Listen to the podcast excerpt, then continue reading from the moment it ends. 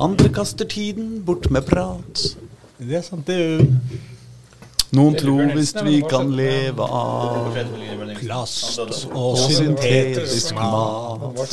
Små barn. Og en frodig jord. Eh, han er jo fra litt sånn Skeidland, egentlig. Han er jo det. Om Skeid skal ha både Jokke og. Lillebjørn, det er faktisk urettferdig. Ja, det er, det er høyt nivå, faktisk.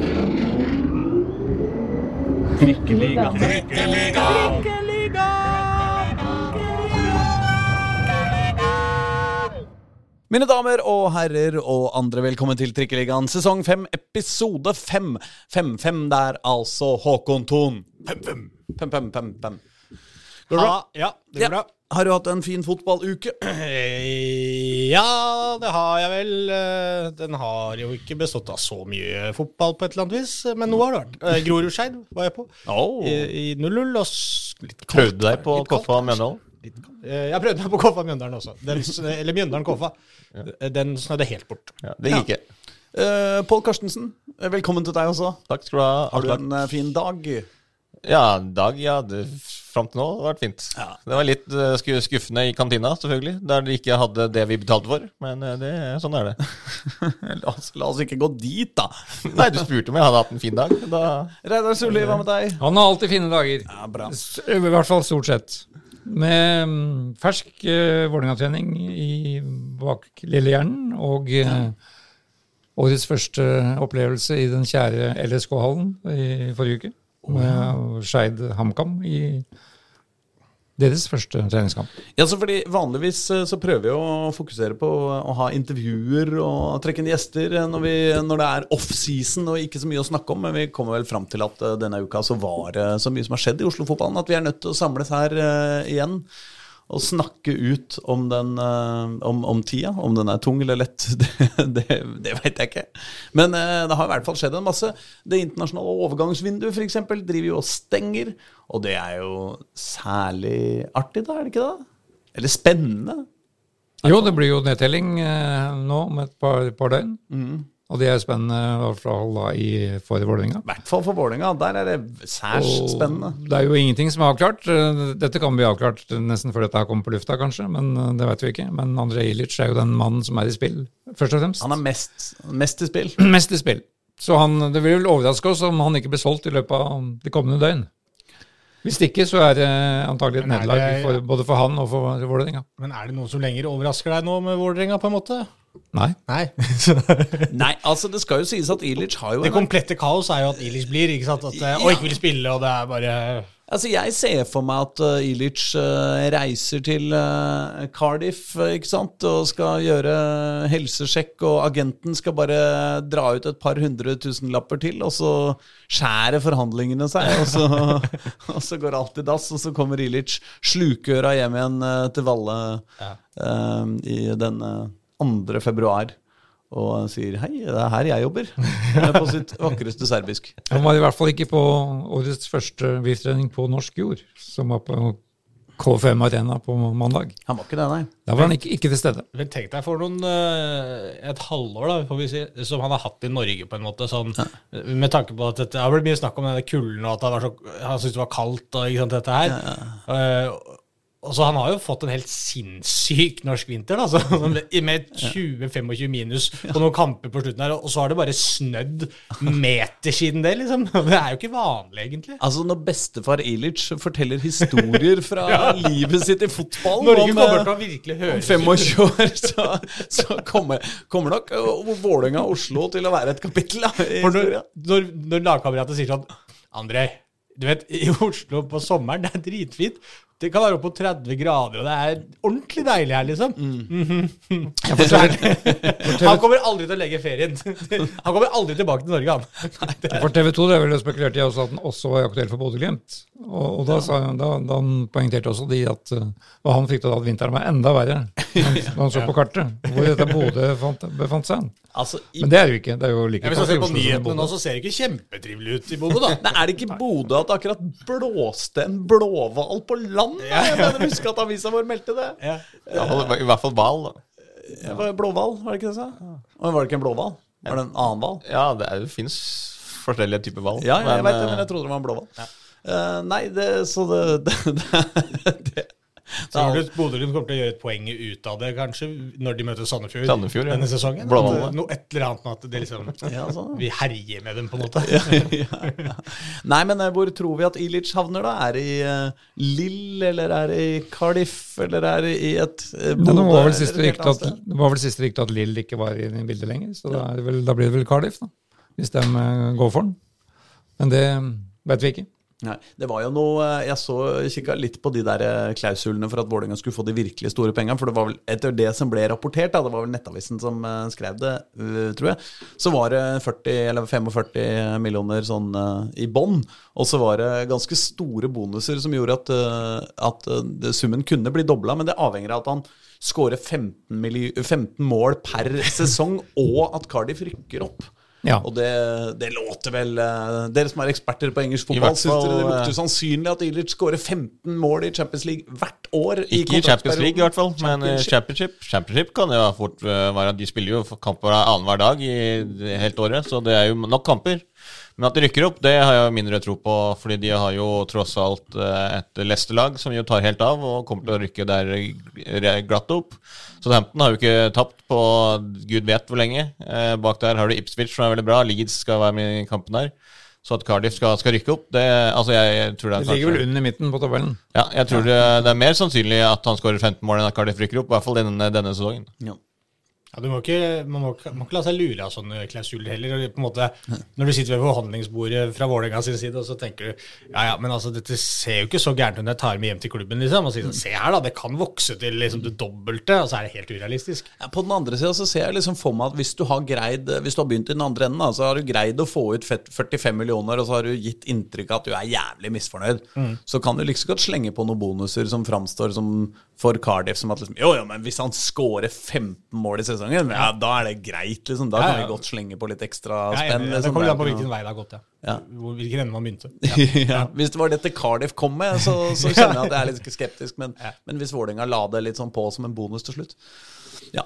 Nei, men men, eh, Sportssjef Joakim Jonsson har relativt intense dager. Han svarer ikke på noen henvendelser fra noen eh, for tida. fordi han driver med både, både Ilic og midtstopperen. ja. Som, som skal, kanskje skal til Det er vel snakk om en utleieavtale til Polen. Forbi Vitry? Polsk fotball for, for Vitry, ja. ja. Så han har noen baller i lufta, selvfølgelig. Um, Ofkir er vel allerede i Tyrkia, er han ikke det? da? Ja, Daniel Haakons prøver å komme seg vekk. Å, flate. Det er jeg ikke interessert i. men um, Nei, det er jo, det er han. Ja, Hvor er det han skal, da? Eh, hvordan skulle han? Nei, han har ikke noe konkret. Det var bare han håpa Ja, liksom, et sted i Europa. Ja, han ønska å hoppe og komme seg, eh, komme seg vekk. Men han begynner å få litt Eh, dårlig tid, da. Det er, kort, det er, det er få timer igjen til sesongen. Ja, det er jeg tror Håkan Sared uh, har en uh, god mulighet, fordi jeg uh, spiller jo en del Fifa, det må jeg jo inn, eller FC24, da. Og der uh, spiller jeg jo selvfølgelig en, en karriere med Vålerenga, og Håkans er altså en så formidabelt god spiller i Fifa. Han har altså tempo. Han, han løper fra alle venstrebacker i hele verden og bare løper rundt dem med ballen og skårer. Så jeg tror at hvis Han er nok kanskje det var det Vålerenga hadde gjort da de henta nå? Da de lanserte den som Norges beste 1 mot 1 og alt dette her.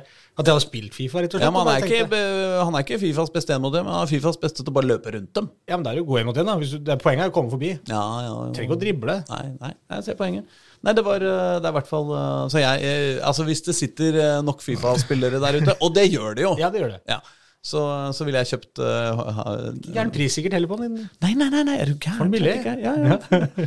Nei, Men denne spillerstallen til Vålerenga er ganske flyttende nå. Og jeg snakka med Petter Myhre etter, etter den treninga i går. Han var jo litt bekymra. Altså, vi var 14 utespillere der, og, og tre keepere. Og som han sier, vi kan ikke drive oss trene hver dag i uka med sju mot sju, og så skal vi spille ellevemannsfotball i helgene. Kanskje de skal melde seg på Sjur-fotball i I treningskampene. Det kan de gjøre, selvfølgelig. Så de, har jo, de skal ut til Raufoss og møte dem på lørdag. Mm. Um, men er jo langt fra å ha en elver ja. klar. Men det er jo litt rart nesten nå, når man nå er snart ferdig med januar, at man måtte ikke ha fått avklart litt mer av dette her, syns jeg. Ja, men, men det er litt sånn altså, Som du ser på eh, hele det internasjonale overgangsvinduet, så har det vært veldig, veldig få overganger. Altså internasjonalt. Eh, brukt veldig, veldig lite penger, i motsetning til eh, de tidligere årene. Eh, Så, så det er kanskje, Og det er jo en litt sånn dominoeffekt. Hvis én overgang kommer, så kommer det gjerne andre overganger. Så Jeg tror det blir ganske kaotisk på torsdag. ja, det, altså det, det, det er mange, mange avtaler som skal, skal la- i i, land. Og det, altså, skal man tenke på akkurat Håkons, da, så var det jo Heerenveen. Altså klubben til uh, godeste Oliver Osame. Braude. Ja, han også. Uh, Osame Sarawi, som, uh, som har vært med et lånetilbud som det ikke skal være interessert nok, interessant nok. Ifølge Nettavisen så har også klubber i Belgia, Italia, Østerrike og Sverige forhørt seg om Finnens situasjon. Eh, og jeg tror også, og, og det uh, er kanskje ikke så veldig mye med tanke på Fifa Eller ja, Fifa-spillingen hans, men, men mest kanskje med tanke på det han har gjort på landslaget. Der han jo har, har skåret en god del mål og vært med på et finsk lag som jo tross alt har gjort det ganske ålreit internasjonalt. Mm. Jeg tror nok det er eh, kanskje en mer utløsende årsak til at han eventuelt skal få seg en eh, klubbtilbud i Europa, enn eh, at han er veldig god på Fifa. Men det føles jo litt sånn med Vålerenga at de sitter og venter på det ene eller det andre. da, ikke sant? At de, kommer, de får liksom ikke gjort noen ting. da, For nå vet de ikke om Håkan Zilic, de vet ikke utgangen av dette her. Nei. Og det føles jo som de eh, de egentlig sitter og håper litt på at ok, kanskje disse forsvinner, og vi får en slump penger og vi kan hente De har jo garantert en lang liste med spillere nå som idet noen forsvinner, så, så hentes disse inn. Men de er jo litt avhengig av å få disse salgene også. da, Hvis ikke så sitter de plutselig igjen med en haug av disse spillerne som de rykka ned med, som jo ikke akkurat virker som er veldig interessert i å være i Vålerenga. Og det er jo kanskje den, altså det er det absolutt verste scenarioet for VIF her. Hvis, hvis de ender opp med det, en, den samme gjengen som ikke vil være der. Som er umotivert, Ja. ja. Ja, men så må jeg jo si også at uh, det er klart at hvis uh, Ilic øh, faktisk forsvinner, hvilket jo nå alle regner med, så, så er det jo en uh, spissituasjon i Vålerenga. Øh, hvor du har øh, Adrian Kurd Rønning og, øh, og Børven. Torgeir Børven. Torgeir Børven skåret to mål da, i første treningskampen. Absolutt. Og jeg mener det går fint an å rykke opp med, med Torgeir Børven på topp. Spørsmålet er jo om han er noe på en måte å bygge framtida for, for Vålerenga på, da. Det, det Ja, men det, uansett den ene eller andre, så, så føles det som Vålerenga bare på en måte, nå, nå sitter og på en måte venter litt. Ja. De kommer liksom ikke i gang ordentlig. Sånn når du sier at det er så lite folk på treninger og sånn også. De skulle jo gjerne hatt inn noen, ikke om det nødvendigvis er en direkte erstatter for Ilic, men altså de skulle hatt inn litt flere spillere der. Og de har nok spillere som de har mer, egentlig Vålerenga så tipper jeg har mer lyst til å ha inn i klubben enn noen av de som er der nå. Og nå begynte jo det der surmulinga med NIS og denne kontrakten og den lille detaljen der hvor de ikke hadde sagt ifra på en måned etter man hadde rykka ned, og så begynte man å krangle om det. Og. Ja, ja. Det er liksom ikke helt eh, Det er ikke helt eh, rolig sjø, på en måte, der. Jeg Jeg må tror si også at, at det er litt sånn at de har Altså, det, det det kommer jo også opp av hvor, mange, hvor mye penger de kan skal bruke på å hente nye spillere. Det er, altså, som du sier, altså Vålerenga de, de har jo selvfølgelig lagt budsjetter, og de veit jo liksom sånne ting. Og de har jo sagt utad i media også at de skal spare penger, og at de skal gjøre masse tiltak på, på å redusere kostnadene. Eh, og da har de jo håper sett for seg eh, så og så mye kan vi bruke på, på, på spillekjøp, så og så mye skal vi bruke på spillesalg, men så er det jo sånn hvor mye du får inn av spillersalg, gjør at du kan bruke mer på spillekjøp. Og det veit du ikke før altså overgangsvinduet har, har stengt. Så de eh, Altså, jeg vil jo tro at de er ganske klare på hvem de vil ha inn, og de har sett for seg hvem de skal kjøpe, og er i er i dialog med det, men de må liksom eh, avvente og se hvor mye penger de får for de ulike, og hvor mye da lønnskostnader de eventuelt kan få vekk ved å låne ut spillere sånn som Bitry eller, eller selge Haakons. eh, og så er det da Ilic som er liksom det store salget som de, de skal generere mest mulig penger av. Så er det jo en fordel at, at det norske vinduet jo tross alt åpner. Eh, Så det blir jo fullstendig mulig å, å handle i Norge. Men det er klart, hvis du skal finne en, en spiss å bygge framtida på, så er jo det noe alle de andre norske klubbene øh, slåss om også. Da. Så det er øh, Ifølge Geir Bakke brukes det nå mye tid på akkurat dette vi snakker om internt i klubben, mellom han og Petter Myhre og Joakim Jonsson. Ja, men det er det, Og det, og det tror vi på. Ja, det er det jeg mener. At, men det er, den situasjonen er, sånn situasjonen er akkurat nå, så er den jo ugunstig for Vålerenga. For nå får de ikke gjort noen ting. For enten så sitter du igjen med noen av disse spillerne, og da kan du liksom ta en prat med dem og få dem til Ok, nå, nå blir det en sesong her, og nå skal det bli noe Men sant, de får ikke liksom ta den praten med dem heller. Uh, og, de, og de får ikke kvitta seg med dem foreløpig, og da får de heller ikke inn noen nye. Og du skal jo gjerne ha det inn for å få kjørt det inn. Da. Det er derfor man har disse treningskampene og treningsleirene. ja. Og reiser rundt med 14 mann liksom, og spiller treningskamper, og du vet ikke om de, alle de 14 engang kommer til å være der ved sesongstart, så blir det bare rør. Det er bare rør. Det er bare rør. Nei, altså er jo tvilsomt med, Vi vet jo litt om kapteinen nå. Stefan Stamberg har vi ikke sett siden i fjor. Og Nei, han var ikke på trening i går, Han var ikke på KFM Arena i, går. Og ifølge Petter Myhre ante han ikke når han var tilbake i trening. Fordi han er skada, eller? Ja, Han hadde jo en liten ryggoperasjon i, Ja, i, før jul. Mm. Omar Bulli var heller ikke der. Uh, nå glemte jeg å spørre om han konkret, da. Men Mm. eh, det er et signal at han ikke, faktisk ikke er der. Der var det vel snakk om altså, altså, før at det var noen slitasjeskader og det var noe overbelastning og, og litt sånne ting. Så det, eh, det vi kan håpe på, i hvert fall, er jo at han eh, de, de, Altså, de tar det, det har de gjort før òg, tar det på alvor. Og får han liksom helt frisk før de setter i gang med noe. For nå har de prøvd et, nesten et helt år å få Omar Bulli opp og gå, liksom. Så har det vært litt snakk om ja, nå er han på gang, og så har han spilt noen treningskamper Nei, han har spilt noen kamper for, for rekruttlaget. Så har det vært litt treninger, så har det vært litt skada, så har det vært litt fram og tilbake. Men sånn hvis du tar et sånn lengre avbrekk og får han på, på beina igjen, slik at han faktisk får bukt med alle de problemene han sliter med, så tror jeg altså Får vi håpe da at han, han kommer tilbake igjen og, og faktisk får prøve seg i Vålerenga. Fordi i år så er jo en eh, Oman Bulli en type som ville fått spille nesten hver eneste kamp hvis han hadde vært frisk. Og så kan, jeg får ta noe positivt, da. Det, er, jo- det er jo i hvert fall positivt at Vegard Eggen Hedenstad er tilbake igjen og blir en forsterkning også igjen i forhold til hva de hadde i fjor høst. For han var jo ute hele sesongen. Men han er i 100 full vigør. Ja. Men på den annen side så er jo da Christian Borchgrevink også litt tvilsom, for han trener jo ikke med ball eh, ennå. Så han trener jo også alternativt foreløpig. Han gjorde det, ja. Han fikk seg en liten kjenning når han var nede på Tenerife. Ja. Så det er um, mye interessant usikkerhet rundt dette laget. ja. Så da ligger det vel an til opprykk, da. Ser sånn ut. Eller nedrykk. Som vanlig. Blir gull eller, gull eller nedrykk. Skal vi ta en liten den der, eh, innom den der lønnssituasjonen, eller? Når vi først, når vi først er på, på Vålerenga, bare sånn helt på slutten. Det kommer jo fram, som du nevnte så vidt, eh, Pål, at eh, i, i, i går, mandag, kom det fram at, eh, at Vålinga, et NISO mener Vålerenga ikke har varsla spillerne eller kanskje du som nevnte det? Samme det. At de ikke har varsla spillerne innen fristen, som er altså én måned etter nedrykk, om at de skal gå ned i lønn eh, ved, ved nedrykk. Eh, og så har den eh, fristen kommet og gått uten at de har fått et eh, formelt varsel. At de bare har sendt ut pressemelding, er på en måte det man får inntrykk av. da. Eventuelt kanskje snakka med litt agenter og sånn, men ikke sendt det formelle beskjeden om dette til spillerne. Så Ehm, så sier jo Niso at liksom, men, eh, det var forståelse for at det skulle måtte være lønnskutt. Eller det var i hvert fall noen sånne antydninger i den saka. Men så rykker da altså tre spillere på vegne av spillergruppa ut på Vålerengas hjemmesider eh, tirsdag og sier at eh, nei, dette er bare tull, og eh, alle, dette blir lønnskutt og ikke noe problem og sånn. Ja, og Det er jo sånn. Det som er merkelig i den situasjonen, også er jo fordi NISO er jo spillernes organisasjon. Da skulle de jo tro liksom at NISO og, og, og, NISO tar jo spillernes parti og er på lag med spillerne. Men så sier jo liksom eh, spillerne, da Vi stiller oss kritiske til sitatene fra NISO som ble presentert i gårsdagens artikkel. Og det er jo liksom ja, Altså, det, det er jo din organisasjon som representerer deg.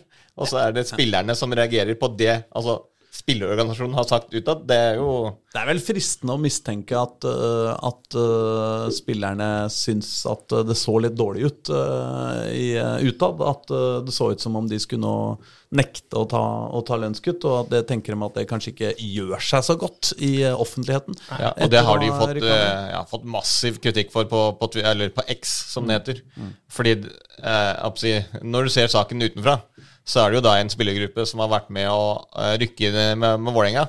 Og så, de, så står det jo i kontrakten at det, altså det er så og så mye prosent, 25 lønnskutt. Og så skal de liksom gå og klage på en teknikalitet og beholde lønna si.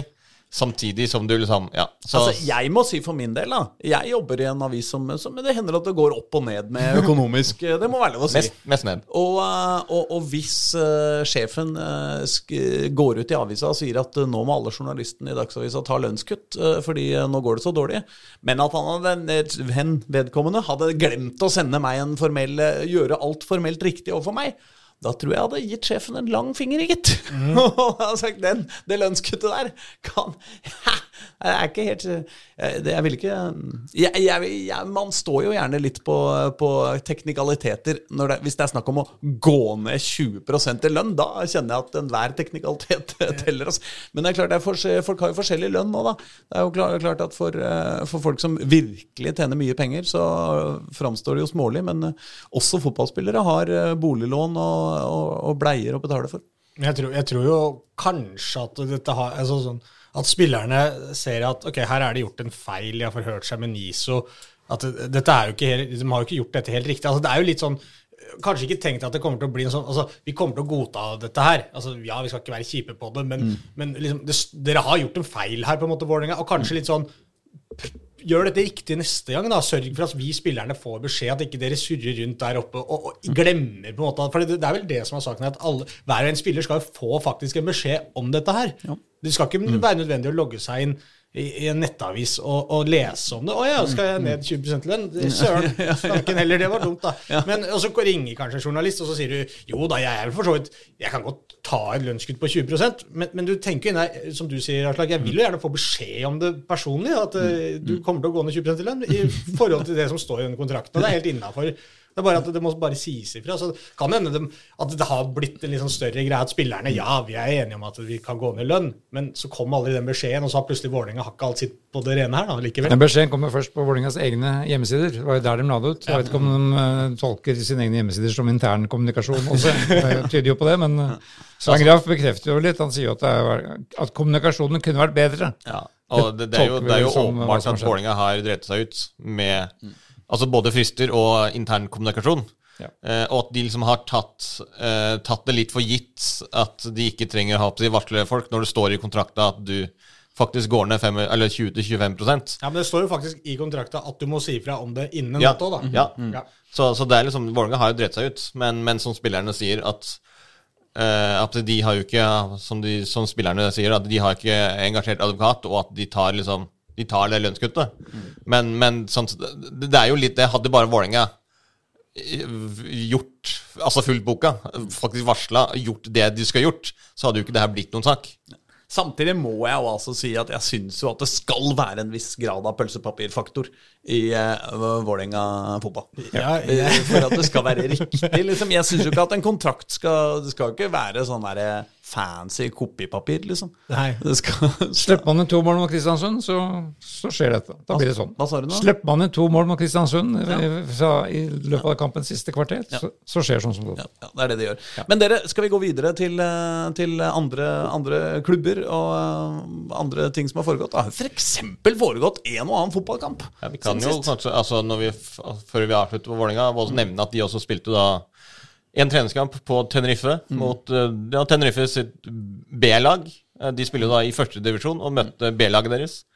Eh, vant 5-0. Eh, Torgeir Børven annet skåret eh, to mål. Adrian Kud Rødning hadde kjempeskudd i, i krysset, som var første målet hans for A-laget. Henrik Bjørdal skåret vel et mål.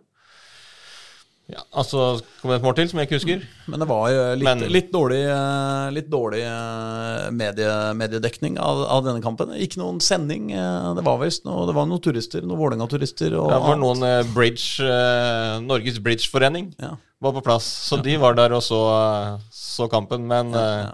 Det ryktes at, eh, at eh, ja, Henrik Bjørdal dro en vakker vist i sørøstre hjørne. Og Han dro en. Jeg prøver å tulle med bridgeuttrykk. Oh, ja, ja. Jeg er ikke så stødig på bridgeuttrykk. Ikke jeg heller.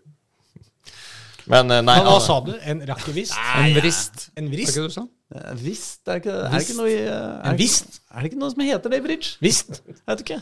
Nei, men vi, du må si hva du sa. Nei, kan vi ikke gå Jo, men videre? jeg, men, jo Jeg føler at vi er på uhyre tynn is. ja, ja, ja. En vist? Det, det, det, er ikke, det er ikke en bridge-podkast. Det er det, I tilfelle er den ekstremt dårlig igjen. Ja, det er sant. En svak bridge-podkast. Ja, men det, dette er jo eh, lenge siden det har skjedd ved treningskamper nå helt til det siste også. Altså, ja, vi må jo markere åpningen av Obos supercup, da. Ja! Som jo nå vinteren skal handle om. Denne nye påfunnet som eh, Skeid og Grorud i fellesskap har klekka ut. ja. Og som starta da på søndag med duellen Det Grorud-Skeid. starta vel teknisk sett tidligere fordi vi, eh, vi må også påpeke at det er ganske mange lag i denne Obos Supercup som da ikke er fra Oslo. Ja, som vi da bryr- ikke bryr oss oss sånn voldsomt mye eh, om, men, eh, men som da har starta Obo Supercup litt tidligere. Men for vår del så, så Eller du kan jo si at Nordstrand spilte jo dagen før, men eh, for vår del så starta det vel ordentlig med, med, med Grorud Skeid på Grorud Arctic Match, som jo da levde veldig opp til sitt navn, for der var det jo veldig arktiske eh, forhold. Mm. Lørdag var jeg jo på, på Ekeberg eh, og så Koffa spille kamp eh, i minus tre og sol. Og da hadde jeg på meg shorts, og det var, alt var fint. Marbella-temperaturer ble det meldt om. Fra meg, da, selvfølgelig. Eh, men det på, på søndag, da var det ordentlig surt og kaldt. Det var jo et par varmegrader, men det var fryktelig sur vind, som det jo har en tendens til å være. Veldig mye snø. Så eh, Og i tillegg så var det litt sånn at kanskje kampen ikke varma voldsomt eh, mye heller. Så Men vi fikk i hvert fall eh, fikk i hvert fall sparka i gang vår si, vår del av Obos Supercup, og, og det er et kjempegodt godt påfunn. Eh, både spillere og eh, trenere er, som jeg har snakka med, er veldig fornøyd med at de har noe å spille om. For det er jo litt det som er i den lange lange eh, oppkjøringen i, i Norge. Så har de jo fire måneder med, med treningskamper og fire måneder der det skal løpes litt og spilles litt fotball, som jo føles litt sånn meningsløst før du kommer i gang med serien. Så at det liksom er noe, er noe å spille om, det tror jeg de, de aller fleste setter pris på. Og det, det gjør vi også i litt grad, for det er jo mer interessant enn en treningskamper som da ikke betyr all verden.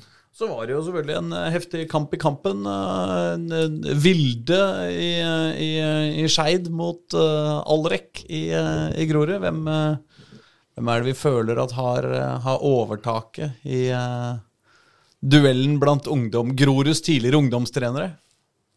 Det er Alrek, det. Ja, det er Alrek. Ja, var, Grorud var klart best. Ja. Andre omgangen i hvert fall. Første omgangen var litt jevnere. Men uh, det er ikke så lett å lese så mye ut av det heller, uh, nødvendigvis. da. Det kommer til å se ganske annerledes ut når de møtes i seriespillet. Men uh, Hvorfor det? Nei, fordi at de bytter jo hele lag i pausen og bytter spillere hele tiden, og masse ungdommer eh, som ungdommer, unge spillere som, eh, som kommer inn og prøver seg. Og, så, så det er ikke noe sånn det er ikke noen, men, men, Og det var første treningskampen til Grorud òg, så sånn sett så var det jo ganske imponerende, egentlig, syns jeg, det Grorud gjør. Men de, de skapte jo ikke all verdens heller, eh, Grorud. Så, så de var sånn spillemessig best, men, men uten at det ble men Han der Dubois var eh, herlig. Han ser bra ut fremdeles. Han kan bli nå, nå i denne sesongen her, så skyter han dem langt opp på tabellen, tror jeg. Ja, jeg tror det. Ja. Han var klasse. Og så fikk jeg litt sansen for han 17-åringen til Skeid, som jeg tenkte jeg skulle dra på og prate med i løpet av uka. Luka Høyland. Var det han som starta med det kjempeløpet Ja, ute på høyrekanten der? Feide forbi to-tre spillere med en gang. Ja. Eh, Egentlig vel stopper eller back eh, forsvarsrekka, i hvert fall eh, sånn opprinnelig. Men spilte på midtbanen òg. Sånn der herlig Steven Gerrardsk eh, look på fyren. Sånn både mm, faktisk måten han rent kroppslig så ut, sånn var bygd og kroppsholdning, men litt sånn spillemessig òg, med det raidet. Liksom kunne bare dra av gårde med ballen på den måten. Jeg fikk ikke sett noe skudd, men eh, det er en spennende 17-åring som Vilde sa at var sånn i skorpa til og kanskje kunne spille litt eh, og starte litt for seg denne sesongen. Han ble vel henta opp i A-laget på slutten av fjoråret. han. ja, han spilte vel et par kamper der. eh, Ja. der, ja. Uten at han vel bemerka seg sånn voldsomt kanskje i de kampene, men, eh, men det er klart det var nivået over, da. Så, så det, han skal bli veldig spennende å, å følge. Men eh, bortsett fra det så var det vel ikke mye å melde, egentlig. Bra oppmøte, bra med publikum. Å, var det det? Ja. Ja, Overraskende bra oppmøte til å være både så kaldt. Og de hadde jo Det var bare én tribune som var åpen også, det var den bak mål. For resten var jo, lå jo bak en god del eh, snø. Så det var til å være en treningskamp i slutten av, eh, av januar, eh, og været var som, som det var. Så syns jeg også det var veldig overraskende. Veldig positivt eh, oppmøte. Det er mye prøving der. og Skeid Det var vel tredje keeperen de prøvde nå, på tre kamper. Eh, Ja, og han så jo ikke like stødig ut, må jeg si, han Nei. som sto her nå. For eh, nå skåra vel strengt talt Grorud et mål som uh, veldig mange i etterkant spurte om hvorfor i all verden ble det annullert. Eh, nei eh, Jo, Ja, Grorud skåra Det, ja. Det jo- det, det, var, en spiller som var litt bortpå han, på en måte, så han mista ballen. Men, og det ble blåst for angrep på keeper, men det, det var fryktelig eh, billig, egentlig. Og det var litt sånn Kålaby-keeper. Ja, han var vel, han strakk seg litt sånn langt og fikk en hånd på den, på en måte, og så fikk han den andre hånda, og så var det en Grorud-spiller som var litt borte og dulta han, og da mista han den ut igjen. Så det var ikke noe sånn, det var ikke noe som kom løpende inn i den, på en måte. Det Så var, den, denne karen heter da David Skinstelien, som sto nå. Og så var det en som het Lars Herlofsen, som sto mot eh, HamKam i forrige uke. Der, men Eller som er Kåla ikke vi eh, nye Skeid uh, Jo, og så er det Markus, Markus Andersen som de har signert, da. Ja, som spilte ja. den første kampen mot Raufoss og vi var jo veldig solid. Det er jo han, det er jo han keeperen vi har signert. Det er jo han som blir førstekeeperen, antagelig. Han som Ja, kommer til ser sånn ut i hvert fall til nå, da. Ja. Men jeg vet ikke om de skal prøve en ny keeper hver kamp. Eller? Hvis Kanskje du ikke gjør det gjennom hele sesongen, så blir det jo tungt. Det blir slitsomt. ja, ja, det har jo gått- det passer bra. Slipper jo ikke en kjempemye mål, Nei, nei, det Og så har de fått uh, da Tor Lange, en dans, dansk, norsk-danske, på venstrebekken. Han spilte vel ikke på søndag, gjorde han det? Lange. Tor Lange. Tor Ja, Lange. det er jo et godt uh, navn. Ja, slutt. Han kommer fra, han kommer fra eh, Langer, da, som står i Vålerenga. Han er jo da 30 år gammel, så de, han er vel da en av disse her som de skal hente inn som, uh, som har litt rutine. da, Kommer fra Stabæk. Jeg spilte mye for Stabæk 2 i fjor. For det er jo litt diffust der med veterankorps i Skeid. Altså de, anført av Johnny Per Budusson, hvor hvor han er i landskapet. Han har vel ikke vist seg i noen tropper til nå. Nei. Uh, Vi venter jo fortsatt på at Daniel Bråten skal gjøre comeback. Og så har jo da spilleren med det fineste navnet så langt, Michael Clinton, spilte jo midtstopper i annen omgang mot HamKam. Han var også, var vel også innpå nå, mot mm. Guru. Han er også på prøvespill, tror jeg. Og Max Bjurstrøm er jo på prøvespill fra Vålerenga. Ja, For der har det heller ikke kommet noen avgjørelse. Nei, det skulle jo komme antagelig kanskje mens vi sitter her. Tidligere denne uka her. Men han er- spilte, han spilte vel hele kampen på søndag, gjorde han ikke det? Nesten. Eh, ja, om han spilte Det husker jeg faktisk ikke om han spilte hele, men eh, han ble kanskje bytta ut på slutten. Men han spilte lenge, i hvert fall. Det er klart at hvis både Hedenstad Kristiansen og eh, Borchgrevink eh, er, eh, er, på, er på jobb og frisk, noenlunde friske for Vålerenga, så er jo veien lang for, Ja. for, for Max Bjurstrøm. Med mindre selvfølgelig Borch skulle ryke på det samme som sin eh, navnesøster i regjeringa. Eh, og, og måtte gå av pga. masterskandale. Ja, det kan jo, det kan jo skje, selvfølgelig. Men um, Nei, så det er jo spørsmål om de, de møter Skeid og Nei, Skeid og Vålerenga 2 møtes jo i Er jo samme avdeling i andre versjon. Ja. Så det, de, skal, nå skrev jeg at han kanskje kommer til å spille om, om valget sto mellom Skeid og Vålerenga 2. Men det er jo ikke det. Det kan hende at det er en tredje klubb, fjerde klubb, som er inne i bildet her. Men jeg tror i hvert fall vi kan slå fast at uh, det er større sjanse for å rykke opp med Skeid enn uh, med Vålerenga 2. Det tror jeg er riktig. Ja. Men, eh, men helt tatt, favorittbildet i den avdelingen der, den, den er ganske åpen, slik jeg tolker det nå. Ja. Altså Både Grorud og Skeid og Kjelsås uh, har vel alle ambisjoner om å kjempe i toppen her. Det tror jeg de kan, kan, kan klare. Som du sier, kanskje det, Sånn som der du var i fjor, så var det et par lag som, som skilte seg ut. Eh, du hadde jo Egersund og Lyn, som jo da Mm. rykka opp, men også Arendal, som skilte seg ut ganske tidlig, som et godt lag. I år så ser det, eh, ser det langt jevnere ut. Eh, jeg blir overrasket hvis du får ett lag som liksom tar helt av og, og er overlegent best. Eh, så du har jo si, I tillegg til vår lag, Tromsdalen, som jo kommer til å eh, være oppi der. Du har uh, Ullkisa, som jeg hangla litt i i fjor. Var ikke noen spesielt god, eh, eh, god steam der. De var litt sånn eh, ja, defensivt ut av sesongen. Men Strømmen, for eksempel, var liksom på motsatt kurve. Var, var ganske bra.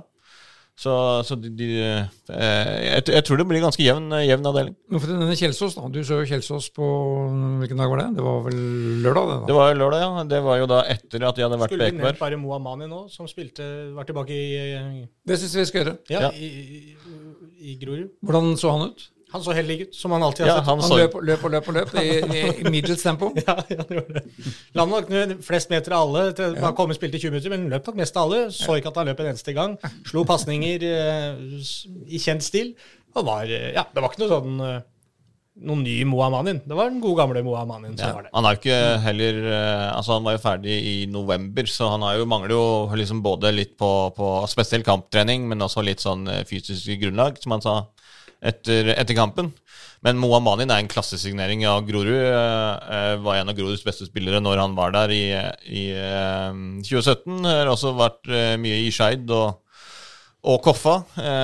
og nå var et år på, på Jessheim sist. Veldig veldig god signering av, av Grorud. Kommer vel veldig mye med erfaring, rutine, som man kan, kan bidra med inn i den spillergruppa. Er en veldig klok spiller som sjelden gjør feil. Så Han fikk jo et frispark helt på slutten av kampen. Han kunne jo piska den inn, selvfølgelig. Han er jo egentlig god på frispark. Og den situasjonen var egentlig litt interessant, for jeg snakka med Det var den på overtid? Var det ja, ja. fordi at uh, Skeid prøver, prøver jo i stor grad å spille seg ut bakfra nå. ikke sant? I, det gjorde de jo egentlig i store deler av uh, forrige sesong nå, og med egentlig til nå samme utfall veldig ofte. At det blir ikke sånn kjempemye ut av det. Det går litt i alle retninger og litt sånn høye skuldre og, og panisk I til fjor, tider. I fjor tapte vi ganske mange kamper på det. Ja, ikke sant? Ja. Og sånn. de slapp inn to mål mot Raufoss på de første treningskampene. Og det, men, men de prøver seg på det. Da. Det er jo greit nok når det er treningskamper. Hvis du skal få det til, så er det jo nå du må jobbe med det. Eh, men så var jo også Vilde veldig opptatt av at de i denne kampen her, da, kontra en vanlig treningskamp, i og med at dette var første runde i denne supercupen og, og litt sånn, og at man ville jo faktisk eh, trene litt på å vinne her også. Altså faktisk prøve å vinne kampen og gjøre smarte valg. Eh, ta de rette beslutningene på rett tidspunkt osv. Ja, vi må bruke det til å øve, men, men når Skeid på overtid av denne kampen velger å slå eh, noen korte pasninger bak der, miste ballen, lage frispark til Grorud på ja, Det var jo et stykke, da, med 25 meter kanskje, eller noe der omkring så, eh, da ble jeg ordentlig rasende på side, sidelinja og pekte opp på, på kampuret for å signalisere at bruk huet. Når det er 90 minutter nå, vi kan banke den langt av gårde oppover i banen, og så er dette greit, og vi har et poeng. Istedenfor så klarer de å lage et frispark. Altså, det var hun veldig misfornøyd med. At man, eh, fordi man, det var noe av det man skulle øve på her. Å ta de rette valga. Og dette var et sånn fryktelig dårlig valg av Skeid som lag. da, å, å velge å prøve dette her. Kunne tapt kampen egentlig på overtid med noe sånt rør som det. Så, så, så hun, hun vil jo gjerne at Skeid skal på en måte både være direkte og, og spillende, men den der balansen den, eh, den må de jobbe litt med og, og faktisk eh, som et lag finne ut av når gjør vi hva. Men hva slags spiller er Mohamed igjen? Eh, Midtbane sentral. Ja, nettopp. Ja. Så han skal fordele baller og Spillfyrer. Ja, han, han, han er god. er sjefen. Ja. Er god på, god på det, men det var jo må si at jeg var litt overraska over den ekstreme risikoen ja, som, som Skeid tok i, i, i forsvar. Ja. Og av altså Flere ganger så så du jo Per Magnus Deiring annet, prøvde seg på curlfinter og vendinger, og, Ja. og keeperen også tok imot ballen helt på altså, eh, og, og de der, og eh, altså, så, Både som trener så sitter du veldig med, med hjertet i halsen når, når sånne ting skjer. Og det ble jo også en, eh, Spesielt etter pause så var det mye sånn derre Mye rart, men, Men, men hvordan det går i en oppkjøring som det her, det er jo uh, det, det, du, du klarer aldri helt å lese ut hvordan det kommer til å ende i seriespillet. Hvis de faktisk bruker disse dårlige eksemplene på å lære av det og bli bedre, det er det man hele tiden håper på, så har du en verdi.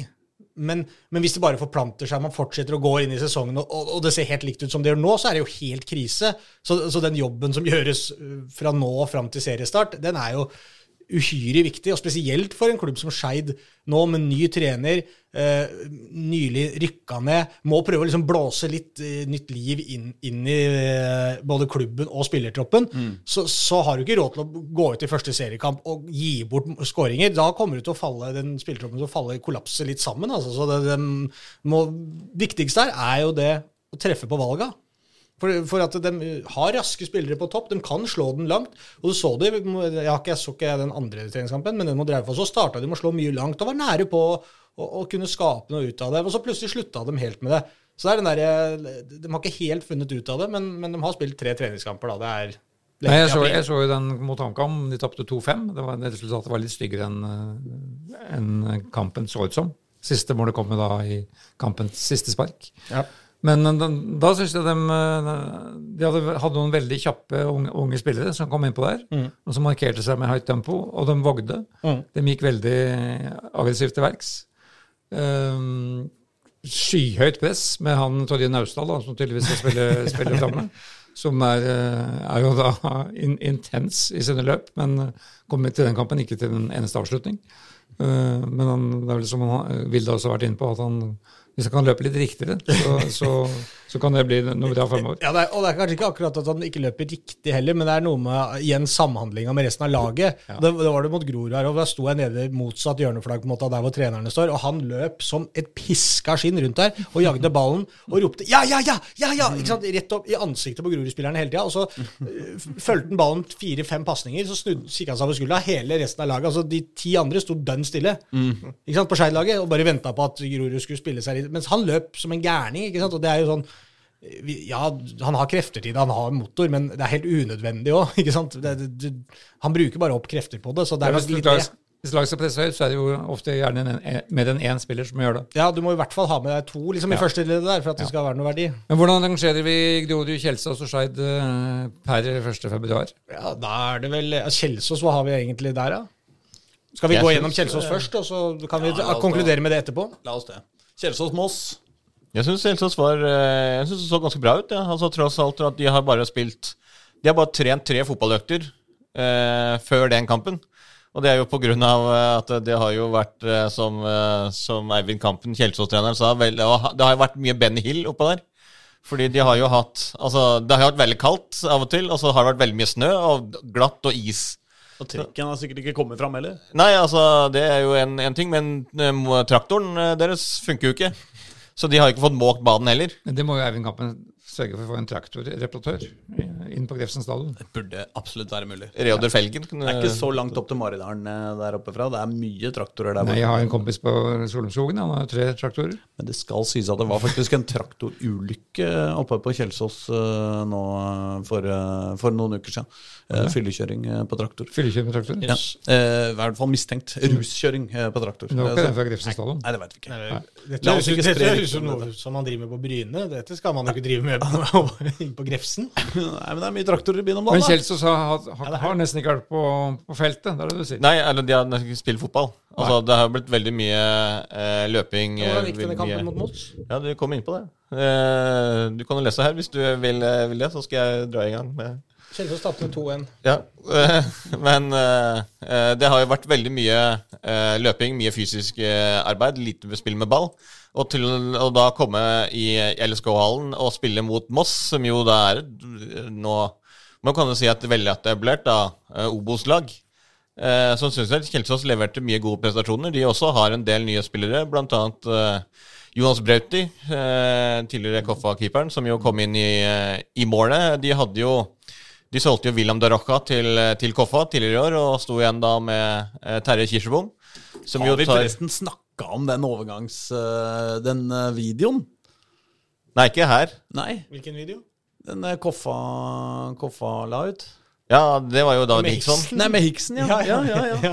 Ja, nei, Ja, det, det, var, det var sånn passe slapp og deilig. Å, nei, det, ja, altså, det var jo veldig uh, artig for oss, da. Ja, det var gøy for oss. Ja, nei, jeg, bare, jeg bare føler vi ikke har nevnt Ja, men Det var bare noe med Hiksen. Han tok opp telefonen der. Som, og for de som har vært der, så ser de jo hvor han står når han tar telefonen. Han står jo inne i klubbhuset til KFM og sier Ja. Jeg, kommer, jeg kommer. Nei, men La meg forklare, da. Bare veldig for kort. oss som ikke har sett den, så, for oss som ikke har sett den, kan du Da forklare. Johs uh, Mosgaard var her uh, i Trikkeligaen før jul, eh, hadde et veldig artig og, og interessant intervju om eh, sesongen 2023 og hvordan de så fram mot 2024. Og så spurte jo vi dem, jeg vet ikke hvilket av disse geniene rundt dette bordet, det var kanskje Håkon Thon, så spurte ja, men hvis du skulle For vi snakka om de andre laga også, så spurte du da hvis, hvis du skulle tatt med Tatt og henta en spiller fra Skeid og hatt med opp i Eliteserien, hvem skulle det blitt? Eh, Eller var det, var det spesifikt Var det ikke bare fra hvilket som helst Oslo-lag? jeg sa? Nei, det var Nei, jeg tror det var Skeid. Ja, okay, ja, ja. Og da svarte Josso veldig sånn på, på on point. Det var, han måtte ikke tenke veldig lenge, liksom. Det var Ja, vi tenkte jo Markus Melkjord, kanskje, eller Ja, ja, ja. hva det nå var det vi tenkte da. Men han gikk rett på Hiksen, og det var liksom helt klart. Det var ikke noe å diskutere. Og han var lovende og bla, bla, bla. bla. Og så, og så signerer jo faktisk Koffa Hiksen, ikke sant? Og så, og så legger de da ut en video hvor de, hvor de spiller av dette, dette klippet. Og, så, og hvor vi, vi sier også et eller annet om at ja, altså, han burde vente klar ved telefonen. Eller, det er Nei, han bør, du, du sier det er bare å ringe, tror jeg. Eh, Det er bare å slå på tråden, eh, Hiksen, eller et eller annet sånt. Ja. så ja. Ja, dette var kanskje ikke en så god gjenfortelling. Nei, I hvert fall så brukte de på en måte det, det intervjuet da eh, i eh, promoteringsvideoen, og hvor eh, de driver og ringer hverandre, og det var noe, var noe til og noe da med Det det. var noe med den ringinga. Ja, ja, så, du sa ring, så jeg syns jo på en måte at vi, eh, vi er litt sånn hva, hva, hva, hva kaller man det når man har para to kompiser, på en måte. Kirsten Giftekniv? Ja, vi er Kirsten Gifte- Giftekniv, okay. eh, er vi da litt i denne sammenhengen. Vi har jo liksom sørget for noen overganger nå. Nå har vi keeperen til Skeid, og så har vi Hiksen til Koffa, så vi har jo to på allerede. Ikke sant, to i beltet. Så håper de gjør det bra. ja. Men uh, beklager avbrytelsen, Pål. Nå kan du fortsette. Eh, om. Kelsås, da, selvfølgelig, som jo da ikke har noe med det her å gjøre. Nei, men på en måte likevel. Men, uh, men ja, eh, Jonas Brauti, jo, tidligere Kova-keeper, som spilte, for, uh, spilte en omgang. da. Terje Kirsebom spilte den andre omgangen. Eh, Kirsebom er vel 44. Han ble vel 45 senere i år. Eh, Sin tar, beste alder. og tar, eh, tar Altså, jeg spurte jo om det. Jeg kan ikke gi meg nå. Jeg må ta en sesong til. Det er jo klart, det. Og det er, som vi, det er jo som vi sa her også Det var vel før jul, tror jeg, når vi snakka om at David Tavakoli jo ga seg. Og da var det jo også Ibba Lajab. Var jo ikke, det var jo usikkert om han skulle være med videre heller. Og da sa jeg at da må vi i hvert fall ha med Terje Kirsebom, så vi har med noen av de her superveteranene. Og det, da sa Kirsebom det han er med. så han spilte jo da de siste 45 minuttene der. Uh, Kjelsås tok ledelsen da tidlig uh, i, i første gang. Uh, Jens Bonde Aslaksrud skårte det målet. Det var en lang ball opp mot Moss sin keeper, som kom utenfor 16-meteren. da, Dempa den på brystet, mista ballen. Eh, Aslaksrud tok ham med seg litt over til siden, og så chippa ballen i, i mål da bak eh, noen forspillere som jo prøvde å stå på streken, men som jo ikke greide å nå den ballen. Uh, og så slo jo Moss tilbake etter, etter ganske, eller egentlig ganske kjapt etter det. Og så avgjorde de jo helt på tampen, sånn to-tre minutter før, før slutt.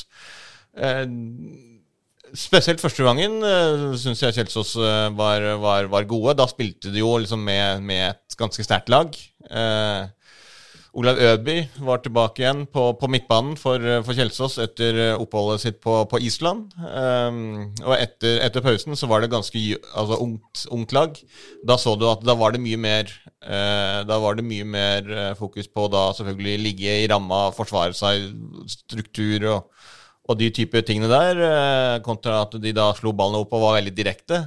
Og Det, det syns jeg også Kjelsås var i hele kampen. Det var, de, var gode på, altså de var veldig gode på å være direkte, skape ting, slå ballen opp i, i bakrom på, på, på spissene. Sånn Aslaksrud og det? Eriksen. Ja. Eh, så, så, så det var bra. Eh, Kristian Eriksen er et veldig godt navn, da. Kristian Eriksen er et veldig godt navn. Det er Den tredje Kristian eh, Eriksen, som jo er i, er, er i spill. Kristian den tredje.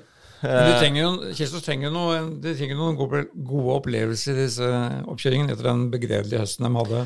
Ja, som altså, de- fullstendig etter den semifinalen. vant jo nesten vant jo ingen kamper på, på slutten der, men, men altså, jeg, jeg, jeg, synes det er, mye, det er mye positivt på, på, på gang i, i Kjelsås. De har jo eh, de, de har solgt veldig mange talentfulle, gode spillere eh, opp til Eliteserien og mista de de siste tolv eh, månedene. Eh, og må begynne, begynne å bygge opp litt igjen. Men så hente da inn spillere som, som Olav Øby, som jo har vært og trent med Kjelsås da hver vinter de siste ti vintrene. Uh, og nå også bli værende etter en, eh, en vinter og skal, skal lede uh, Får mye ansvar og får den derre Altså, uh, ja, skal vi kalle det den der kontinuitetsbæringen? Altså den derre sette standarder, være, ha liksom den erfaringen til, også, til å vite hvor nivået ligger og hva som skal til.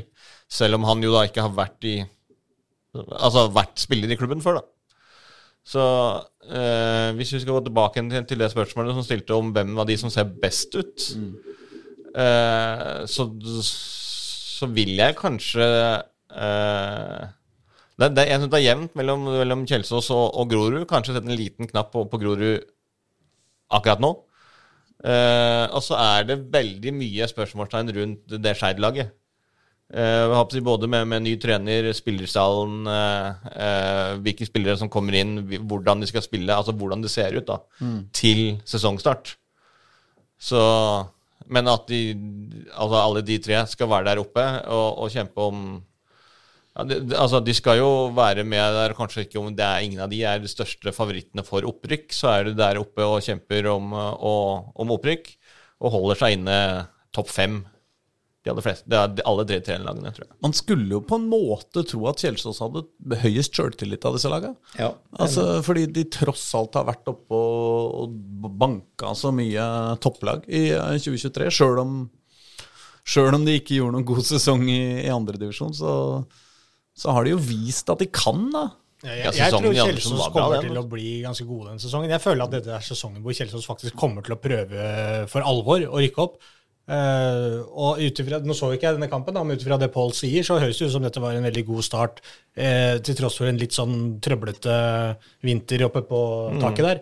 Så det virker jo veldig lovende, syns jeg egentlig, for Kjelsås. Så hvis, ja, hvis man skal rangere de, som du sa nå, Reidar, per 1. februar, så, så vil jeg si Kjelsås Grorud Skeid, akkurat som de spiller om dagen. Nei, det var jo, Eller, eller kanskje ikke sånn som de spiller, jo, kanskje litt også sånn som de spiller, men, men liksom følelsen også at jeg, jeg tror at Skeid kommer til en viss grad. Jeg tror at det, når, når vi starter sesongen og skal sette et tabelltipp, så kan det godt hende at, vi, at Skeid ser helt annerledes ut, og sånn, men nå setter vi det akkurat nå.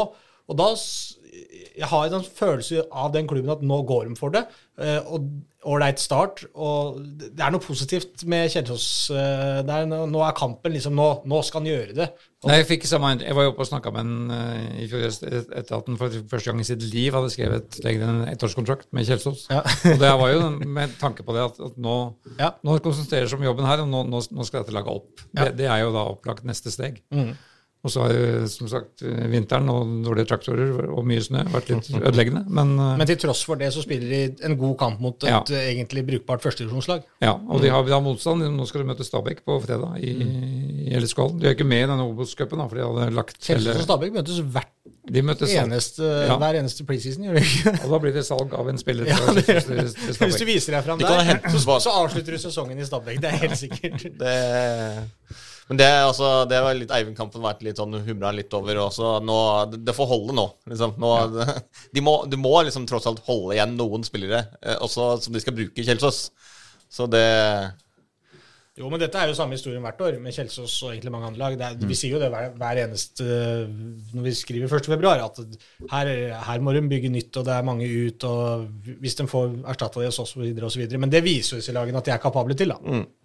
Skal jeg nevne kjapt bare denne Obos-cupen for å avslutte den. Ja. Nordstrand spilte jo, er jo også med der. De tapte 0-3 for Ullkisa. Ja. Og da var det jo litt morsomt. Jeg snakka jo med da Thomas Holm, som der er Koffas nye assistenttrener. Ja, Var han der? Han, nei, men han var på, på VIF-treninga i går. Å ja. For han eh, Det er jo hyggelig for eh, for Koffa at de kunne vise Vålinga en eliteseriearena Ja. som, de kunne, som de kunne trene på. Ja. Eh, så Thomas Holm og Johs Moskva ønsket jo dette laget til Obos-ligaen hjertelig velkommen til, til, til Ekeberg. Så hyggelig. og det første som slo Thomas Holm, var jo hvor mange, lag, mange mann det var rundt dette VIF-laget. Det var jo som sagt bare 14 utespillere der, Ja. men det var jo nesten like mange rundt. Mens han sa at K5 hadde to trenere. Det var, det var Johs Mosgaard og Thomas. Mens her var det jo et skokk av folk. Altså- eh, og pluss den, kom det en fyr som sendte opp en drone også. Og hele, hele treninga ble jo filma rett ovenifra. Det hadde ikke K5 tenkt på, sa han. Jeg må si at uh, sjøl om jeg har mitt hjerte i uh, Vålerenga, så må jeg si at det har vært litt artig om noen i Koffa gjentok den der suksessen til uh, uh, da Vålerenga damer vant uh, seriegull. Og uh, hvem var det? Ja, var det? Olaug Tveten, Olaug Tveten som sendte det stikket der til Rosenborg. Som, som fikk 10 000 spenn og ble donert til en breddeklubb og sendte det til Rosenborg. Ja. Jeg må si det har vært litt artig om noen i Koffa gjorde det sammen mot Vålerenga. Jeg tror Thomas Holm har, har kapasitet til å gjøre det. Ja, men Simen han eh, Hestnes. blir sannsynligvis ikke Koffas beste, banens beste spiller Nei, eh, nei. i en eneste eliteseriekamp. Simen Hestnes har jo en fortid i, i Vålerenga, i Ingrids avdelingen avdeling der. Ikke sant? Så hvis han blir kåra til det, så kunne han jo, han jo gjort det. For han har jo faktisk spilt i Vålerenga i tillegg. Ja, ja. Men, eh, men, Men dette, ja, dette sidesporet til det enda innom VIF-treninga var det at da kunne da Thomas Holm fortelle at Markus Scham har da overtatt som hovedtrener etter han i Nordstrand. ja. Som eh, jo da skal prøve å komme seg videre i den eh, i, og, og kjempe om opprykk fra tredjedivisjon. Nordstrand eller Markus Scham? Eh, Begge ja, to. begge to, da. Siden Altså, han, Champ pleier jo å være ivrig, ivrig på, å, eh, på å komme seg videre. Ja, det er vel han var ikke 16. klubb, er det det? Ja, det var jo jo. Det var noe imponerende, imponerende serie. han kunne da også fortelle at uh, Nordstrands toppskårer gjennom mange år, Oliver Midtgaard, er det vel, han trent, trodde han trente nå med Strømmen. Ja. Så det er mulig han er tapt for, for Nordstrand. Så der bygges det nytt. Og så må vi nevne at Frigg tapte da 3-1 for Asker, ja. også i denne Obos-cupen. Riktignok uten Ulrik Ferrer på banen, fordi han er skada. Så har vi nevnt uh, Ja, så da kan du plusse på en tre-fire mål, i hvert fall. i hvert fall, Altså, ja. egentlig så Så egentlig skulle du vinne i Frigg fire. vant 4-3. Ja. Det må vi jo Ja. Eh, Nordstrand møter jo da altså Skeid Ja. i førstkommende Altså andre runde, da, på eh, lørdag 3. februar. Det er jo det som er fint med denne Obos supercup, er at det, det spiller jo på veldig flotte tidspunkter, egentlig. Da, for folk som eh, har lyst til å komme seg ut og se fotball. De spiller jo stort sett i helgene og ett og fire og sånn. Det er Ja. glimrende sånne tidspunkter eh, disse kampene var. Så det er morsomt å komme seg ut og se litt nå, for hvis folk har lyst til det. er kanskje, Så i helga skal det jo bli ti plussgrader også, og litt sol og greier på lørdag, tror jeg. Så det, da er det bare å eh, pakke snipp. Esken. Nei, snippesken, ja. Da skal noen av oss til uh, Nammohallen, eller Raufoss storhall, som det kanskje offisielt ja. heter. Der er det ikke ti Der er det plussgrader og ikke sol. ti varmegrader. Det er din erfaring, har jeg skjønt. Der er det kaldt. Raufoss, vet du. Det er ikke om det er halv. Nei, ikke kaldt likevel. Ja, ja, ja. Nei, men uh, ja. ja. Jeg er jo liksom litt spent på, må jeg jo si, også eh, Koffa, da. Om eh, det blir noe fart i Eliteserien. Som vi først har, eh, har bedømt andredivisjon, hvem som gjør det best der. Ja. Det er kanskje ikke så stort spørsmål hvilket Oslo-lag som gjør det best i Eliteserien i år. Nei, det er ikke noe å lure på. Men vi må jo eh, kanskje få skams innom Eliteserien, da. Ja, I og med at uh, Pål så jo dem også på ja du så dem mot uh, Mjøndalen? Ja, så det var på plass der med shortsen i eh, tre minusgrader og strålende sol. var jo Det var først- en var jo først Håkon som prøvde se dem på fredag. var jo da kampen skulle vært spilt på Konsto Arena. Ja. Men um, Der var det, det, det var, jeg, da jeg kom dit, så gikk jeg fra parkeringsplassen. Det er jo ikke lange veien, over veien og så bort der. Og tenkte, hvis, prøvde jeg å se for meg at nå skal jeg spille denne kampen. Mm. jeg spiller, for da går du på en måte samme vei som banen ligger. Og det snødde noe voldsomt. Det snødde, og blåste midt i trynet. Og så tenkte jeg nå skal jeg prøve å liksom løfte blikket for å se om jeg finner en lagkamerat der ute. ikke sant? Ja. Og det var ikke sjans å se noe mer enn kanskje tre-fire meter. og, og, for, og så fikk du jo snø inn i øya, og sånn, så jeg tenkte det blir, det blir håpløst å spille den veien her, faktisk. Så jeg tenkte egentlig at det var det verste, men, men det var så mye snø på banen nå at uh, med en gang jeg kom inn, så sier jo Moskor at eh, dette blir ikke noe kamp, tror jeg. Det, det må være grønt når vi starter. Og det var en mann på en traktor som måkte febrilsk banen uten, uten at det var antydning til at det ble noe grønt over hele matta idet man skulle starte dette her. Så da kjørte jeg hjem igjen. Ja. Det var en hyggelig dag i, eh, i Drammen. I Mjøndalen. Ja, jeg, jeg kjørte en sånn Jeg, jeg skrudde av sånn at jeg ikke skulle kjøre motorveier. Uh, Ja. Så jeg brukte nesten to timer ut til Mjøndalen, for jeg kjørte på småveier hele, hele strekket. Du tenkte det er det beste i dårlig vær? Ja, ja. Småvær funker alltid. hva var filosofien bak dette? Nei, jeg bare hadde veldig god tid. Ah, ja. Så jeg tenkte at det er hyggelig å se litt, på en måte. da. Ja. Så jeg kjørte brukte, Strømmestad og slike vær? Ja, så jeg kjørte jo Vi var jo i bilen i tre og en halv time eller noe sånt den dagen, ikke sant? Ja. Ja, Nærmer vi oss KFM spillemessig? Ja, nå, For dagen etter så ble det ble jo klart der og da, da, Ja. at uh, de kom til å møtes igjen på Ekeberg dagen etter. Ja. Men da kunne ikke jeg, så da dro Pål. Det er sant. Og da var det sol. Og hvordan var var den kampen? Den var, eh, den var fin, den. Eh, Det var, eh, de hadde jo da Koffa har også ganske mange skader, så veldig mange nye spillere inn i, i, i den første elveren, liksom. Eh, hvis du skal kalle det det. Det som starta, i hvert fall før, eh, før pause. Eh, det Johannes Mosgaard var mest fornøyd med, var at han så igjennom, altså, eller så igjen eh, det Koffa var kjent for i fjor.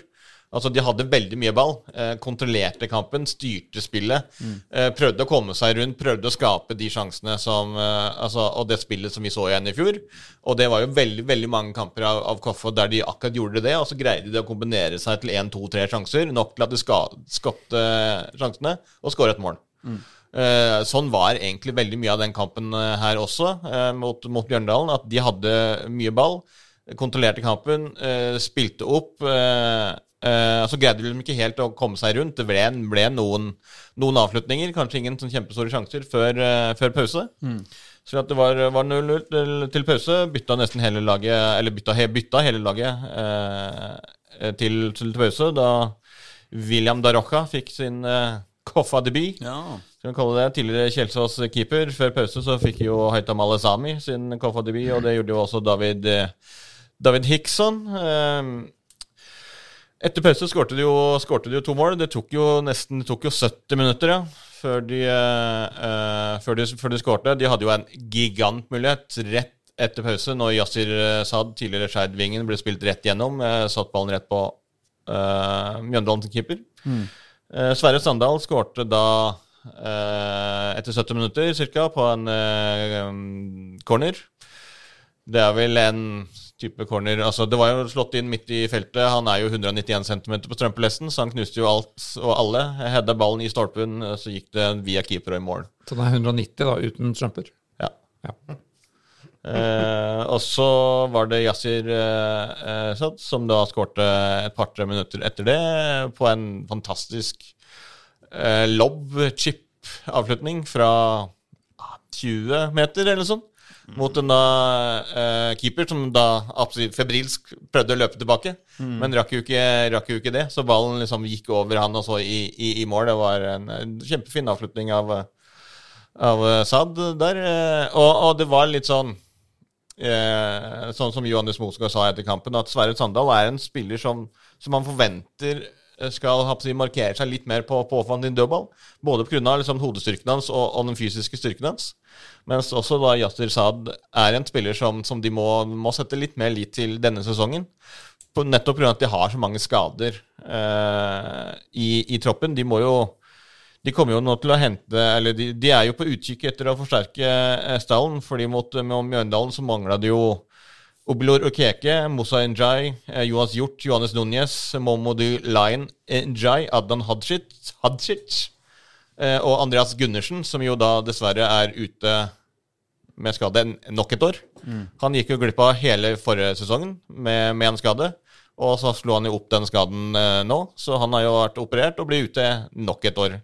Og det å starte, eh, starte i en ny klubb med å være to år ute med skade, det er eh, Altså, det, det er blytungt. Så, så vi må, må sende alle, alle gode tanker til Andreas eh, Gundersen. Um, eh, Núñez Åssen bruker, de- Hiksen? Er det back eller flanke? Eh, flanke. Ja. Han er kant, kantspiller. Eh, Núñez fikk seg en smell. Det tar nok et par uker. Eh, eh, gradvis opprenning på Moussa Njay etter en operasjon.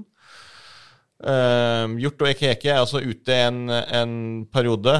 Eh, så, så de må hente inn Det, det, det gjør at sentrallinjen deres er jo litt svekka. Og spesielt da med, Johanny Núñez, som jo var liksom den spissen, den, den som hadde den der, skal vi kalle det, hengende spissrollen. Så er det jo De reiser jo til eh, Marbella på den femte, det er vel mandag. Eh, og da var det akkurat det, det var det Johannes eh, Mosgaard sa. At altså, hvis du skal være med ned der, så må du kunne være med. Altså Du må kunne delta i treninger, og du må kunne spille. Eh, og når de har såpass mange, mange spillere ute med skade, så var det mange av de som var liksom touch and go for om de skulle være med eller ikke til Marbella. Og det, uh, det, det avhenger jo av litt hvor, hvor mange spillere de har på trening også. Sånt, uh, så, så det er litt sånn vareopptelling på, på Ekeberg om dagen, mens uh, Johannes Moskva var jo ikke nevneverdig bekymra for det, fordi sportssjef Daniel Fredheim Holm var på jobb. Så det var ikke noe å lure på. Ja. Så, eh, men, men det ser eh, eh, inn mot, inn mot Eliteserien altså, de, de, de, de spiller på samme måte. De har en samme, samme grunnspillet. De har, de, har den roen om at det de eh, holder på med, er bra nok. Eh, og det tror jeg det også blir mot, mot eliteserielag. Fordi du tenker på de lagene som er nede i bunnen av tabellen her, så er ikke det mange altså, som er ikke bedre enn en det Koffa er. Så det er jo liksom den derre eh, Det er jo selvfølgelig igjen, da, hvem skal skåre målene, som vi har klaget på lurt på hele tiden. Eh, så lenge de da greier å få til det kombinasjonsspillet, sånn som, og det sånn som de hadde i fjor, så, så, kommer de, så kommer de målene. For det er mange steder de kan skåre mål fra. Det blir veldig spennende å se hvor vi ha- ha- havner, plasserer dem på vårt bedømmelige tabelltips, Ja. som kommer da i slutten av mars. Det er ikke lenge til. Nei, det er et par måneder til, faktisk. Ja, ha- halvannen. Halvannen. Altså Slutten av mars er et par måneder til. Det vil jeg bare ha sagt. Altså, Ja, for nå, er er, nå er vi i slutten av Det er- januar. det er riktig, Det det. er ikke så komplisert. Nei, det er ikke så Det er jo to dager til det er halvannen måned igjen, da. altså Nei, ikke slutten av, slutten av Nå er det slutten av januar, det er slutten av mars. Det er to måneder. Men, eh, Men- unnskyld at jeg sier det, hva med Lyn? Har ikke de spilt noen treningskamper? Nei, de har vært på i Valdres, de, på treningsleir. Lyden er i Valdres. Er? Ja, de har vært på fisketur. De er på fisketur, så Jeg, jeg snakka med, med sportssjef Glenn Hartmann, Hartmann når de var på vei opp dit på fredag. Eh, da også, jeg håper å si sånn som når vi sitter her nå ute og ser, så er det jo ganske mye snø. Og det var det jo da også, og det gjorde jo at det var et helvete for de å komme seg opp til Valdres.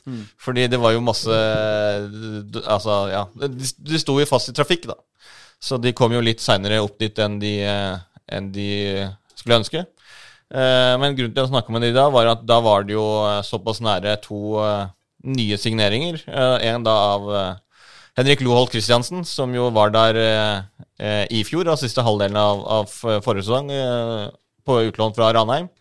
Det, altså, det, det snakka vi om også tidligere på sesongen, at de prøvde å få eh, han tilbake igjen.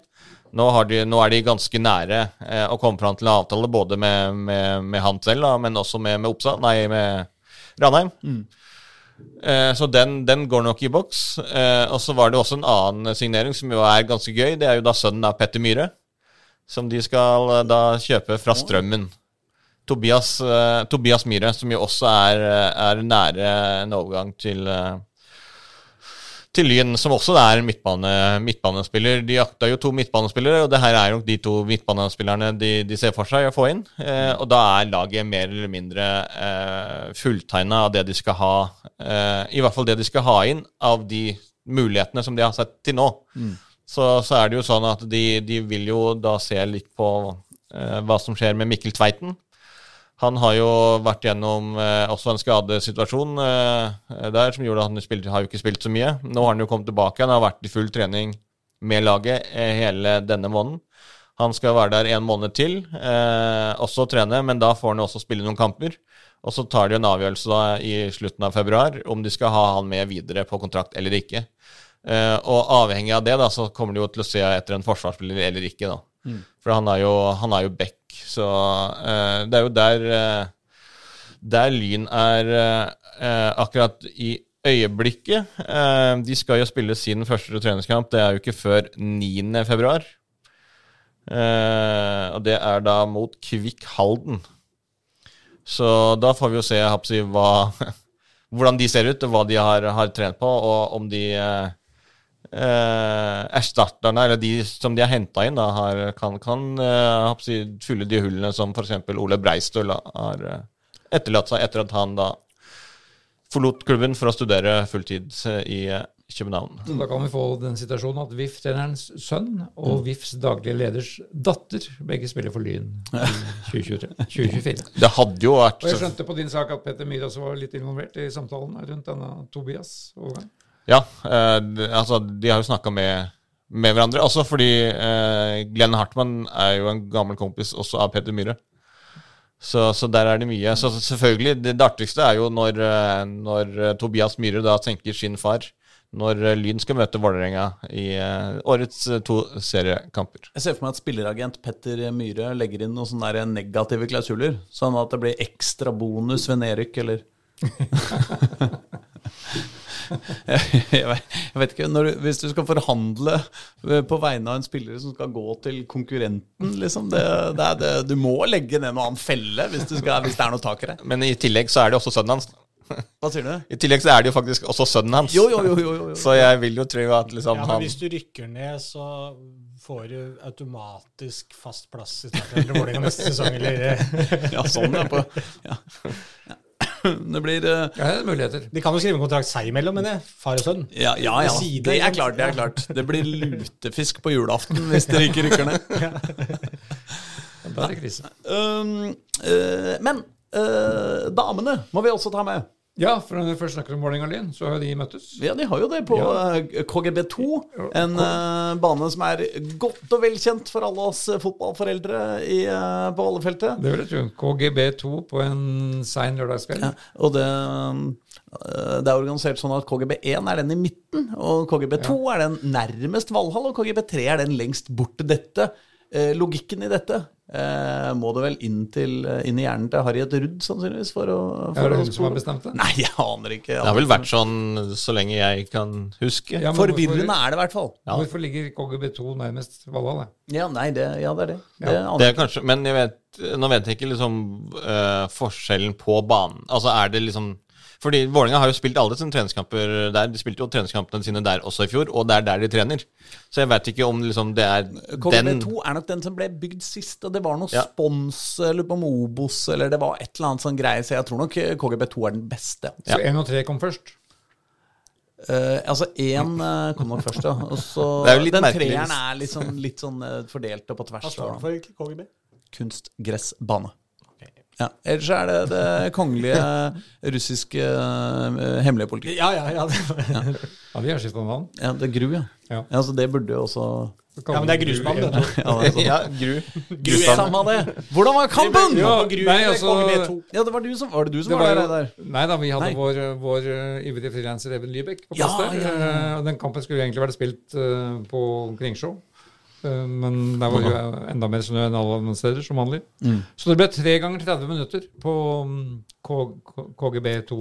Tre ganger 30, ja. Tre ganger 30 Ja, ja. istedenfor to ganger 45.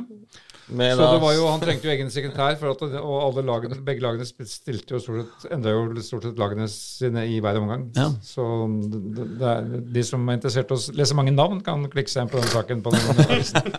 Det er riktig mange navn. Men er, sesongen åpna med et spektakulært selvmål av, uh, av Vålerenga. Janni Thomsen skulle sende en, rolig bakoverpasning til keeper Jalen Tomkins. Ja. Men hun uh, løfta ikke blikket, så hun hadde ikke oppdaga at Jalen Tomkins hadde forlatt det målet. Og befant seg et helt annet sted. Så da trilla den sakte i mål. Det er jo eh, Det låter jo fristende å da synge den der Olsenbanden eh, tarat, tarat, Jan tarat, Ja, ja. Thomsen som eh, Ja, nei, huff. Det er greit å få det unnagjort. For å være ytterligere for med ved 0-2 ved Solveig Tomren. Så relativt eh, elendig start på sesongen for Vålerenga dameslag. Men de klarte da å heve seg ved at Olaug Tvetten selvfølgelig skåra sesongens første mål for dem.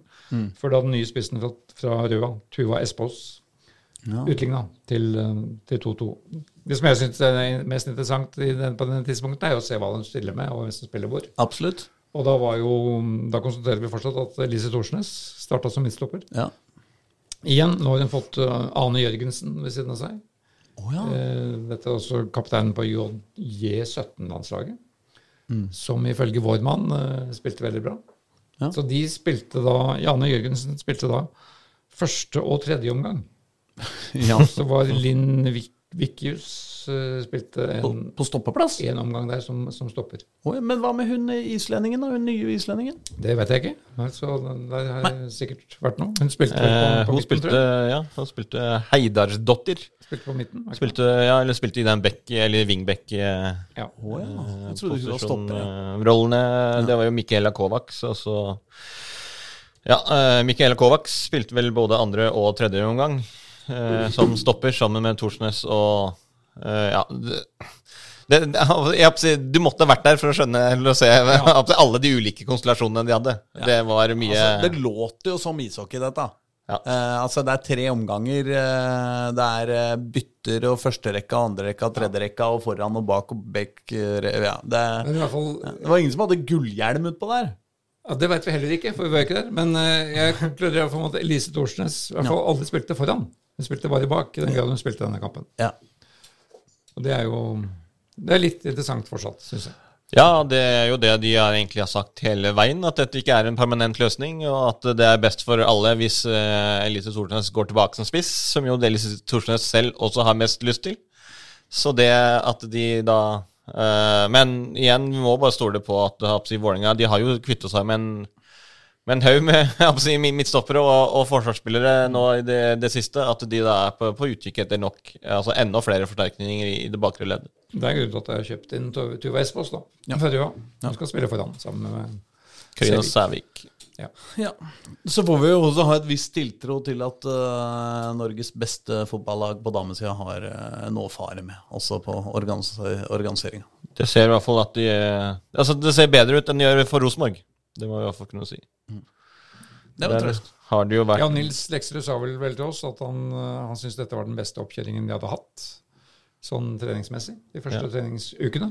Det som også er litt interessant med Vålerenga sin oppkjøring, er jo at de, da, i motsetning til nesten alle andre lagene i, eh, i Norge, har valgt å ikke dra ned til, til Marbella, eller, eller til Syden i det hele tatt. De har et par turer nå til, eh, til Sverige, der de jo skal spille eh, treningskamper. Eh, men, eh, men og, og da har de liksom en og annen dag eh, i Sverige. Altså det er liksom at de eh, de, de drar hjem mellom kampene, men, men de tar liksom dagen etter kamp, for eksempel, så har de trening før de drar hjem. Og det er liksom det utenlandsoppholdet som, som Vålerenga har eh, i årets oppkjøring, da, mens de da tidligere har valgt å dra ned til eh, varmere strøk eh, og spille, spille der, eh, damene skal jo da til Stockholm og spille mot Hammarby på lørdag. Ja. Førstkommende lørdag, 3. februar. ja, det er ikke gærent. Og så skal du tilbake igjen til Sverige uka etterpå og møte Linköping. I Linköping. Ja. Så, og i mellomtida så skal du da tilbake igjen til Norge og trene. Så håper de er like glad i å kjøre bil som deg, Håkon. Ja. At de eh, ikke har GPS-en på samme innstilling.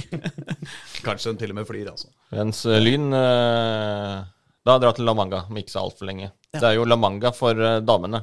Ja. Eh, denne i eh, første uka i februar møter da Kolbotn i sin første kamp på La Manga 10. februar, Lyn.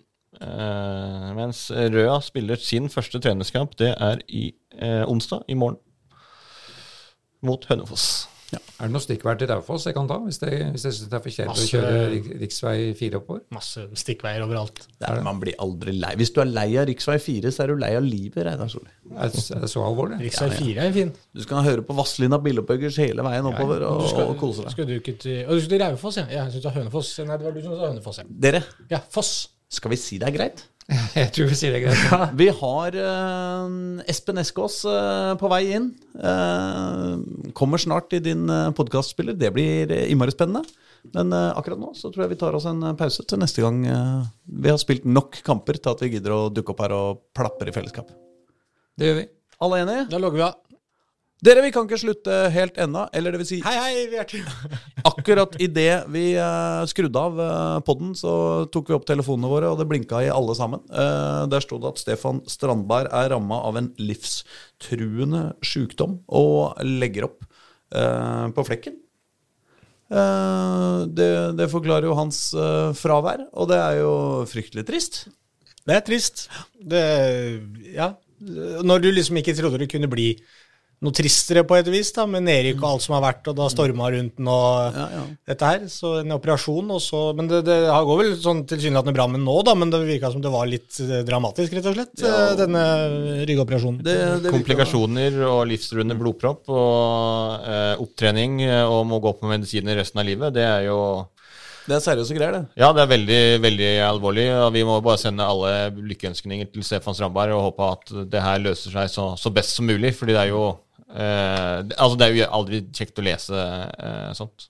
Nei, og eh, så må vi jo si at uh, sjøl om eh, eh, en fotballkarriere alltid er prega av eh, opp- og nedturer, og eh, særlig slutten eh, blir jo vanligvis eh, dårligere enn en eh, de aller beste oppturene, så altså hva Stefan Strandberg har bidratt med opp gjennom en lang og uh, veldig bra fotballkarriere, det er ganske mye. Nå er han jo ikke dau, altså, så jeg skal ikke lage noe sånn der Nei, men det høres ikke ut som det blir mer fotball på han. Deppesending. Nei, Nei, men, han eh, det ser jo ikke ut som det. Nei. Men eh, så jeg bare jeg hadde, følte behov for å si takk skal du ha, Stefan. Takk for, eh, takk for innsatsen. Ja, Håper jo- eh, god bedring og lykke til med alt mulig annet som kommer etter fotball. Ja, Han er jo sier jo også det i den pressemeldingen, eh, at eh, eh, han eh, altså ikke ønska å, å gi seg. eh, At han ville kjempe videre både for Vålerenga og for landslaget. Men pga. den komplikasjonen og, og det som har skjedd, så, så måtte han nå eh, Altså, nå er alt tatt ifra meg, som han sier. Fotballkarrieren er eh, over. Jeg var klar for å kjempe for Vålerenga og landslaget, og dette er et stort sjokk. Eh, akkurat nå er jeg bare glad for å være i live, men trenger litt tid på å la alt synke inn. Som han sier til, til Vålerenga sine hjemmesider da, i en, i en pressemelding. Ja da, han, han, har vært gjennom litt siste, siste året, kan man si. 36 kamper på landslaget ble det for han. Han hadde jo ambisjoner om å Han skulle spille Eliteserien for Vålerenga i år, ta medalje, og han skulle spille fotball-EM for Norge i Tyskland. Det var jo det som var planen hans for et år siden. Men det viser jo hvilke U-svinger livet kan by på. Og om så, Ilic eh, om eh, 20 år skal fortelle sine barnebarn om eh, året i Vålerenga, så tror jeg definitivt eh, Stefan Strandberg skal det samme. Om, eh, om eh, 2023 og eh, starten av 2023. Ja, det er et år man, eh, som ikke kommer til å bli glemt. Ja, det er altså. Men god bedring, Stefan. Eh, da eh, takker vi for oss en gang til. Ja, Hei. Ha det bra. Du har hørt en podkast fra Dagsavisen. Ansvarlig redaktør heter Andreas Heen Haaland Karlsen.